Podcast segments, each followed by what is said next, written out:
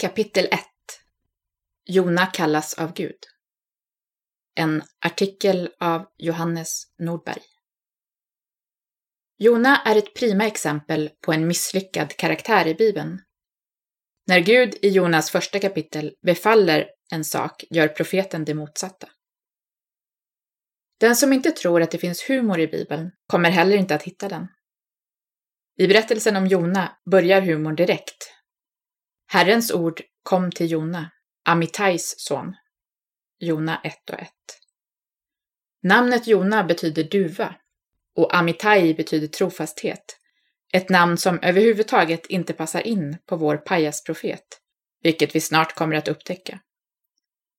Jona blir kallad av Gud att bege sig till staden Nineve och predika där.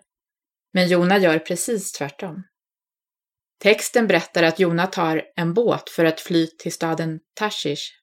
Nineve låg öster om Israel, i dagens Irak, och Tashish låg väster om Israel, antagligen någonstans i dagens Portugal.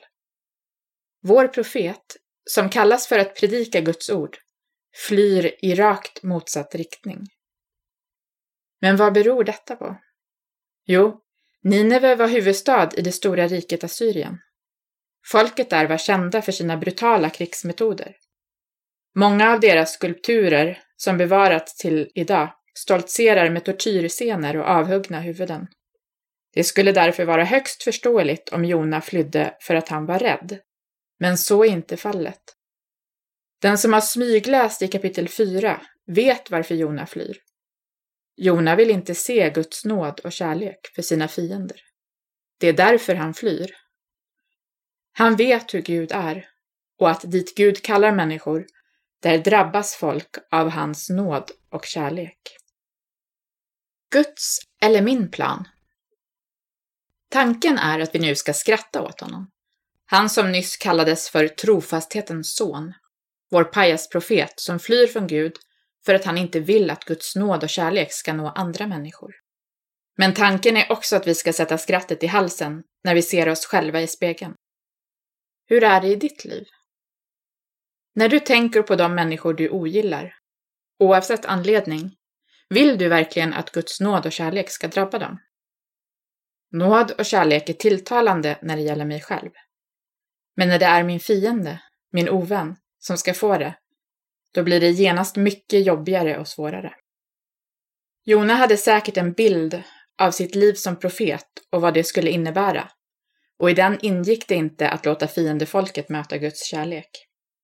På samma sätt har kanske du och jag en bild av vad ett gott liv är. Att följa Jesus innebär att man måste låta den bilden försvinna för att istället lyssna till vad som är Guds vilja för våra liv. Så ta en stund och fundera. När flyr du till Tashish? Andlig sömn Bibeltexten fortsätter i samma humoristiska anda. Jona går ner till Jaffa, ner till hamnen och ner i båten, där han till slut somnar under däck. Väl ute till havs blåser det upp en storm, så våldsam att sjömännen kastar lasten över bord och börjar be till massor av olika gudar för att inte drunkna. Kanske är det någon gud som hör dem. Jona, vår heroiske gudsman, sover fortfarande när en av de icke-judiska sjömännen kommer in och påminner honom om att han måste be. Bön bör vara en naturlig del av livet med Gud. Men när Jona måste bli påmind om att be inser vi att hans sömn inte bara är fysisk, den är också andlig. Denna andliga sömn har kommit som ett resultat av att han tror att han vet bättre än Gud. Och nu är de i en situation där Jonas själviska beslut påverkar alla runt omkring.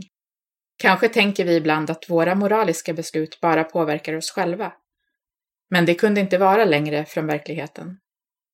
Våra moraliska beslut formar vår karaktär och påverkar därför alla runt omkring oss. En sista utväg. Stormen rasar fortfarande kring båten och i grundtexten funderar båten på om den ska gå sönder. Sjömännens nästa idé är att dra lott om vem som är skyldig till detta och givetvis faller lotten på Jona. De frågar honom vem han är, varpå han stolt berättar Jag är hebre och jag fruktar Herren, himlens Gud, som har gjort havet och det torra. Jona 1 och 9. Och fortsätter med att berätta att han flyr från Gud. Han som dyrkar den Gud som gjort havet flyr alltså från den guden på havet. Sjömännen börjar nu tillbe Herren Gud. Så använder Gud Jonas uppror för att dra sjömännen till sig. Men Jona märker inte det.